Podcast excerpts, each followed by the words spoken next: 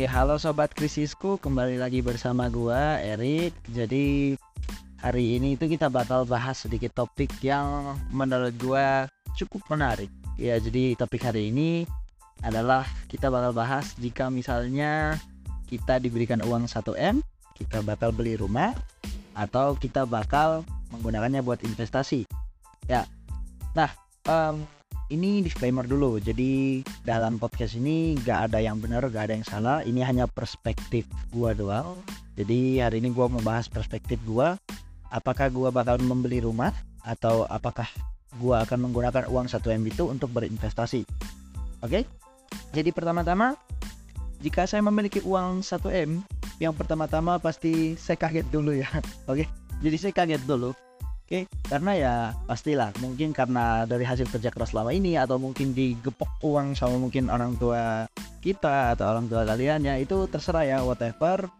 Menurut gua itu sah-sah saja kalau hasil dari kerja keras sendiri atau mungkin uh, dari orang tua itu masih sah-sah aja ya selama memang diperkenankan sama yang maha kuasa oke yang mana-mana aja boleh oke nah kalau mungkin ya gue pasti bakal kaget dan juga pasti gue sedikit bimbang lah akan berbuat apa dengan uang 1M itu. Ya, tapi yang pasti bakal muncul di benak saya yang pertama adalah uh, istilahnya membeli rumah atau mungkin saya bakal gunakan untuk investasi. Ya, tapi secara general mungkin kita bahas dari membeli rumah dulu deh. Ya. Oke, kalau kita bahas beli rumah, saya bakal uh, istilahnya sebutkan dulu produk kontranya nih kalau beli rumah ya. Oke, kita mulai dari pro-nya dulu deh. Kalau menurut gua pribadi, ya, kalau kita membeli rumah, salah satu pro-nya itu adalah kepemilikan, ya. Jadi kalau kita misalnya kita beli rumah ya, artinya kita yang memiliki properti tersebut kan. Jadi kita ya istilahnya kalau mau memperbaiki atau kita mau memperindah atau misalnya kita mau atur ulang rumah itu sesuai keinginan kita, ya itu miliknya kita gitu loh. Tanpa kita perlu minta izin sama orang ya pemilik pemilik atau pengelola ya. Misalnya ya kalau kita sewa ya kan. Tapi kalau kita sewa kan nggak segampang itu untuk dipretelin lah rumahnya. Tapi kalau udah beli sendiri ya silahkan ya kan. Seperti itu. Yang kedua kalau kita bicara rumah itu investasi jangka panjang ya mungkin kalau kita bilang investasi jangka panjang mungkin lebih dari segi psikologis sih menurut saya. Ya jadi lebih ke arah psikologis kita merasa keamanan juga di sana. Dan juga ya kita bisa bilang ada juga mungkin segi finance yang saya bakal bahas sedikit di sini. Jadi kalau kita bilang investasi rumah ya bisa memang untuk biasanya kita bilang harganya bakal naik properti ya. Jadi kita harus membeli rumah itu pas dengan harganya atau kita bisa bilang harganya harus tepat. Dan juga ya pastikan kita juga jaga kondisi rumah kita dengan baik. Ini dengan konteks kalau kita niatnya cuma mau tinggal sebentar lagi ya atau misalnya kita suatu saat memang udah berniat plan ini hanya menjadi rumah persinggahan ya silahkan itu pribadi masing-masing ya oke? Okay? yang ketiga kita bicara stabilitas ya mungkin saya sedikit agak mention di awal psikologis ya. Jadi sebenarnya kalau kita bilang kalau kita miliki rumah ya oke okay, hmm, satu hal yang menurut gua sih cukup bagus adalah stabilitas dari kepemilikan rumah ya. Karena kita merasa kita nggak perlu khawatir ya. Atau misalnya memutus uh, istilahnya kita itu tidak takut diputuskan gitu kontraknya sama orang karena kita yang miliki rumahnya ya kalau misalnya kita istilahnya mau nambahin kamar tidur ruang tamu itu kan terserah kita ya. Tapi kita nggak perlu khawatir dengan hal-hal seperti itu. Dan juga hal-hal uh, psikologis lainnya. Misalnya mungkin ya takutnya ada kenapa-kenapa gitu kita bisa balik ke rumah kan ya. Oke jadi mungkin ada suatu problem apa kita masih bisa kembali ke rumah. Ya karena kan ya istilahnya kita yang milikan rumah itu ya Oke, seperti itu. Jadi kita bisa bilang stabilitas sangat bagus kalau memiliki rumah. Tapi ya oke, itu menurut gua tiga yang menurut gua cukup umum lah kalau untuk rumah ya. Tapi kalau kita udah bahas pro, pasti ada kontranya. Yes, kalau kita bicara tadi pro pasti ada kontranya. Kontranya rumah menurut gua biaya. Yang pertama, biaya yang menurut gua cukup tinggi satu hal yang perlu kita perhitungkan sebenarnya kalau pas kita beli rumah itu biaya-biaya yang misalnya terkait sama rumah tersebut. Misalnya contoh ya, kan ya kecuali kalau dibilang tadi kita kan 1 m ya tapi kan secara logika finansial kita nggak mungkin langsung habisin 1 m di muka seperti itu menurut gua ya kan? Tapi ini terserah teman-teman kembali ya. Tapi kalau menurut gua mungkin gua bakal pakai 700 sekian mungkin atau 800 sekian ya untuk beli rumah sisanya mungkin gua pakai buat apa gitu. Ya oke. Okay? nah kita harus perhatikan uang muka sama cicilan bulanannya. Dan juga ya kalau rumah itu better dikasih asuransi ya. Jadi kalau misalnya kita bilang uh, rumah dikasih proteksi asuransi ya um, itu jauh lebih baik karena menjaga dari misalnya kecurian atau misalnya kita bisa bilang kebakaran dan ya hal-hal bencana yang kita tidak inginkan lah pokoknya. Ya seperti itu terus ya otomatis kita bicara rumah kita harus perbaiki atau rawat ya. Kita nggak rawat misalnya jangan sampai plafon rumah ya bisa bocor atau misalnya plafon rumah berayap. Tapi sekarang kayaknya kalau plafon rumah udah beda bahan ya jadi udah jarang berayap seperti itu. Oke?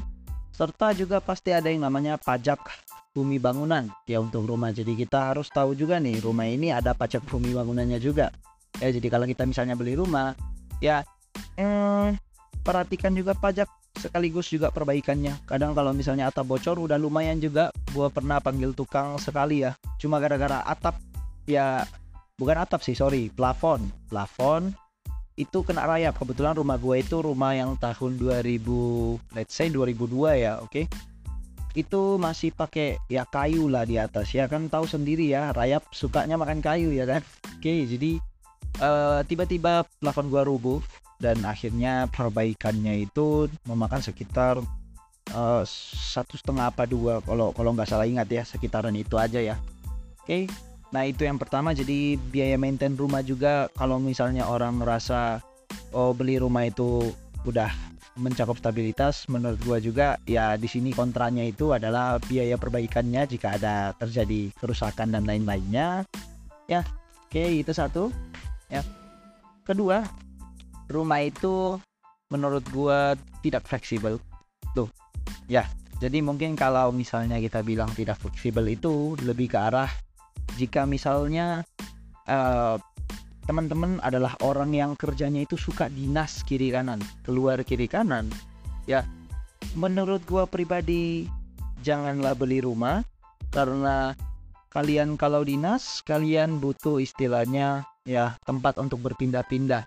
Ya kalau misalnya kita disuruh dinas keluar kota dan kita harus menetap ke sana ya kita tidak punya alasan apalagi kalau misalnya kita punya keluarga ya. Apalagi yang punya keluarga nih. Ya ini ini kalau yang punya keluarga malah lebih ya repot lagi. Ya harus pindah bersama keluarga karena ya susah juga ya istri ditinggal juga repot. Dan juga ya istilahnya jangan sampai memang uh, ada problem-problem serupa lah ya di dalam rumah tanggaan. Jadi ya memang kalau misalnya bagi pasangan yang udah ini kita bicara pasangan dikit dulu ya. Kalau pasangan uh, udah punya pasangan ya terus memang suka dinas uh, pasangannya better disewa aja rumahnya udah jauh lebih bagus juga. Karena uh, kita tahu sendiri ya rumah memang investasi yang bagus. Saya sudah sebutin di pro-nya tadi ya. Tapi kalau dengan catatan ya kita nggak pindah-pindah. Udah tetap nggak pindah-pindah pokoknya di situ doang ya. Itu udah bagus. Tapi kalau misalnya uh, istilahnya kita masih butuh pindah-pindah dinas ya saya sangat-sangat gak sarankan untuk membeli rumah karena tidak fleksibel ya seperti itu. Oke yang terakhir yaps tanggung jawab. Jadi kalau kita bilang ya udah uh, istilahnya punya rumah ya artinya kita punya tanggung jawab atas ya namanya perawatan sama pemeliharaannya juga dong ya. Udah pasti kita pengen rumah kita tetap bagus dan kita nggak mungkin pelihara rumah itu istilahnya dalam kondisi yang jelek karena ya rumah itu buat kita tinggali kan ya. Dan juga otomatis namanya perawatan dan pemeliharaan ya hmm, itu udah pasti cukup memakan waktu dan juga salah satunya uang ya terutama kalau kita bilang ya tadi seperti yang saya ceritakan masalah bocor dan lain-lainnya. Ya itu kita harus perbaikin. Dan itu ya udah otomatis pakai uang tadi ya. Oke nah sekarang itu uh, dari saya ya. Kalau untuk rumah saya sudah berikan pro dan kontranya di sana ya. Sekarang kita bahas investasi ya. Oke kita investasinya saya ambil secara yang uh, global aja deh. Ya. Secara istilahnya yang paling populer di Indonesia yaitu investasi reksadana atau juga investasi saham ya. Oke jadi kita bicara dulu pro-nya dulu nih. Kenapa kita uh, kenapa misalnya orang istilahnya pengen beli saham ketimbang rumah atau pengen beli reksadana ketimbang rumah? Ini bicara dulu dari uh, pro-nya ya Oke, jadi kalau misalnya kalau untuk saham atau reksadana sendiri itu potensi keuntungannya cukup tinggi.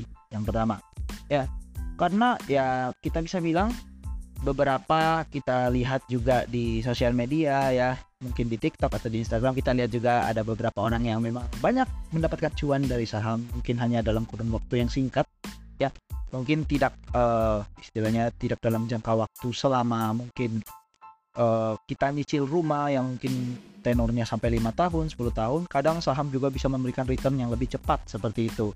Ya tapi kalau untuk jangka panjang oke okay, enggak menurut gua sendiri sih reksadana atau saham sangat sangat baik ya. Bisa memberikan keuntungan jauh mungkin yang lebih besar ya. Dibanding menurut gua uh, properti ya. Menurut gua properti itu dibanding reksadana reksadana ataupun saham ya potensi gainnya masih lebih baik reksadana atau saham. Kali lagi disclaimer ya ini menurut uh, istilahnya hasil diskusi juga saya dengan teman-teman saya. Ya itu tergantung kembali ke teman-teman. Oke? Okay? nah um, kalau kita bilang saham juga sama reksadana ya dia itu enaknya di mana?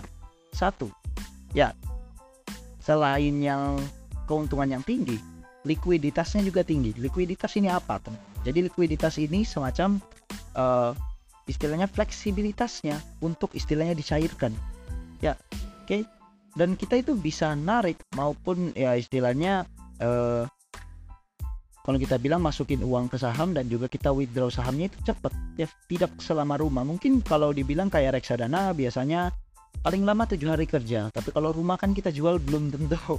Istilahnya laku hari ini pasang hari ini laku hari ini atau laku seminggu. Kemudian kan belum tentu ya kalau kepemilikan rumah ya butuh waktu, butuh agen properti dan lain-lainnya. Tapi kalau saham dia memang likuiditasnya cukup tinggi. Jadi kalau memang butuh uang dalam waktu dekat langsung bisa dicairkan. Ya itu yang kedua. Oke. Yang ketiga tidak butuh perawatan. Kembali lagi ya tidak butuh perawatan kalau saham ya saham atau reksadana ini nggak butuh perawatan kita cuma taruh aja ya kita yang penting uh, menaruhnya di dalam investasi yang menurut kita tepat dan juga harus tahu profil resiko di sana ya. Hati-hati teman-teman profil resiko juga. Jadi kalau gue bilang tidak perlu perawatan yang penting kita ngerti sama profil resiko kita kita ngerti saham atau reksadana apa yang kita beli kita lihat prospeknya dalam jangka waktu uh, 1, 5 atau 10 tahun yang penting kita ngerti lihat kenaikannya. Ya itu menurut gua sih uh, sangat-sangat oke okay di bagian perawatannya itu. Kita nggak butuh perawatan untuk itu. Ya kita paling cuma bayar fee broker. Fee broker paling 0, berapa sekian gitu 0, sekian aja ya untuk fee jual beli. Oke. Okay. nah ini kalau kita bilang tadi pro-nya reksadana atau saham pasti juga kita bahas kontranya juga. Ya kita nggak boleh pilih kasih ya. Tapi kita nggak boleh pilih kasih soal itu. Jadi kita bahas kontranya juga kalau kontra, ya tadi saya kan bilang di awal ya, saya kan udah bilang potensi keuntungannya tinggi, tapi di balik potensi keuntungan yang tinggi, udah pasti ya ada yang resiko yang lebih tinggi juga di dalam reksadana atau saham. Ya, mungkin kalau kita bilang reksadana uh, dari pengalaman pribadi, reksadana saham cukup ya memberikan return yang tinggi menurut saya. Saya pernah dapat sekitar 32% dari sana. Mungkin dia dalam jangka waktu uh, satu tahun lebih dah 32 persen. Eits mungkin teman-teman bilang uh, biasanya kalau kita tahu returnnya 18% rata-rata. Yes memang kalau di internet 18% tapi beberapa reksadana itu yang memang kalau kita bisa bilang gacor ya bisa sampai 30% itu bisa aja. Ya itu 18% per tahun teman-teman. Bukan uh, istilahnya bukan dalam jangka waktu yang mungkin saya dapatkan. Saya kan satu tahun setengah lebih sedikit ya.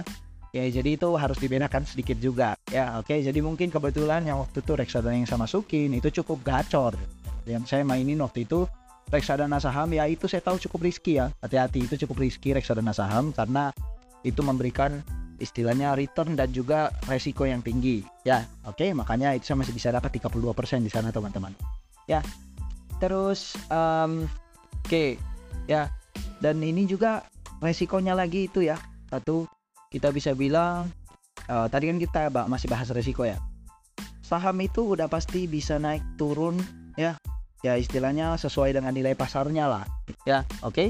nah kalau rumah ya tadi kita bahas rumah rumah nggak seenak jidat turun harganya. Ya oke rumah nggak seenak jidat turun uh, harganya. Tapi makanya saya bilang kembali investasi kalian harus tahu profil resiko kalian dan juga kita bisa bilang kalian beli reksadana apa dulu reksadana yang paling umum di Indonesia itu ada tiga pasar uang obligasi dan saham. Yang saya sebut tadi yang saya untung 32% itu di saham, ya, itu di saham.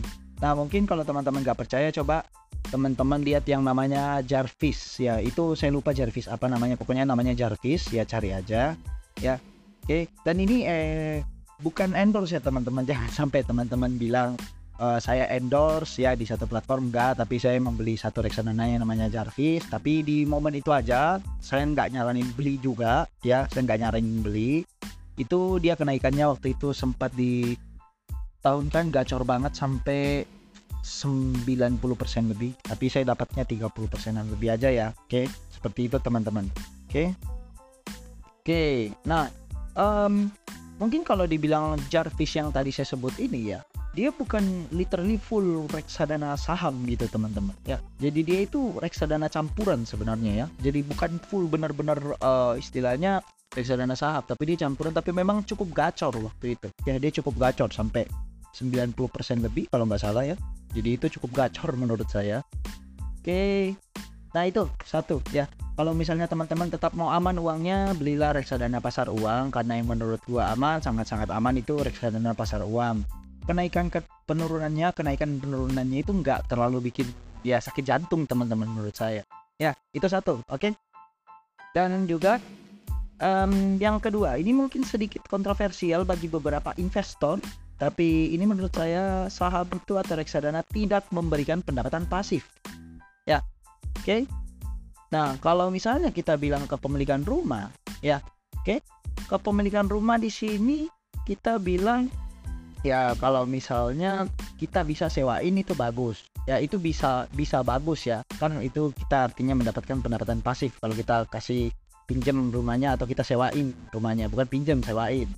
Oke tapi kalau uh, reksadana atau saham ya itu kita bisa bilang kita dapat untung ya kecuali ada kenaikan dari nilai investasinya kecuali kecuali di bagian reksadana pasar uang. Reksadana pasar uang itu memang naik tapi pelan banget. Kalau dibilang secepat rumah enggak. Ya dibilang secepat rumah enggak. Tapi kalau kita bilang naiknya naik untuk istilahnya kepastiannya ya naik. Seperti itu teman-teman. Ya dan juga istilahnya kalau kita bilang uh, saham dan reksadana itu tidak literally pasif ya teman-teman. Tidak literally pasif banget. Kalau mau dapat yang pasif ya taruh di deposito udah pasti pasif ya itu enak dapat keuntungan. Kalau saham atau reksadana kita juga tetap harus menghitung nilai dari istilahnya aset-aset yang dimiliki oleh sekuritas tersebut dan lain-lainnya ya. Kalau dibilang pasif ya itu tergantung kita punya objektivitas kembali cara lihat kita ya oke? Okay? cara lihat kita ter, uh, terhadap uh, instrumen tersebut seperti itu ya. Kalau menurut gua sih nggak pasif di, di bagian situnya ya. Tapi kalau kecuali itu yang reksadana pasar uang tadi kalau dibilang reksadana saham, campuran dan lain-lainnya itu itu tergantung performa dari si manajer investasinya. Oke. Nah, ini nih yang terakhir ya.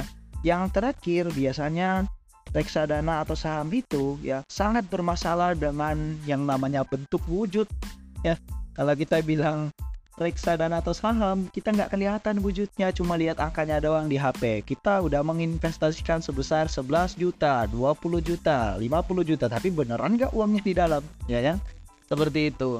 Ya tapi kalau kita bilang tadi rumah ya kalau kita bilang rumah ya ada bentuknya ada fisiknya bisa ditinggali bisa digunakan ya. Itulah bedanya. Mungkin kalau dibilang secara sih ya kan? Um, kelihatannya memang rumah cukup uh, istilahnya menjanjikan dah. Dan juga istilahnya uh, kita bisa lihat barangnya. Kalau misalnya kayak saham atau reksadana kan nggak begitu kelihatan ya kan? Oke? Okay? nah eh itu tadi um, kita bisa lihat ya pro dan kontra masing-masing antara rumah dan uh, reksadana ataupun uh, saham atau yang kita tadi sebut investasi di awal.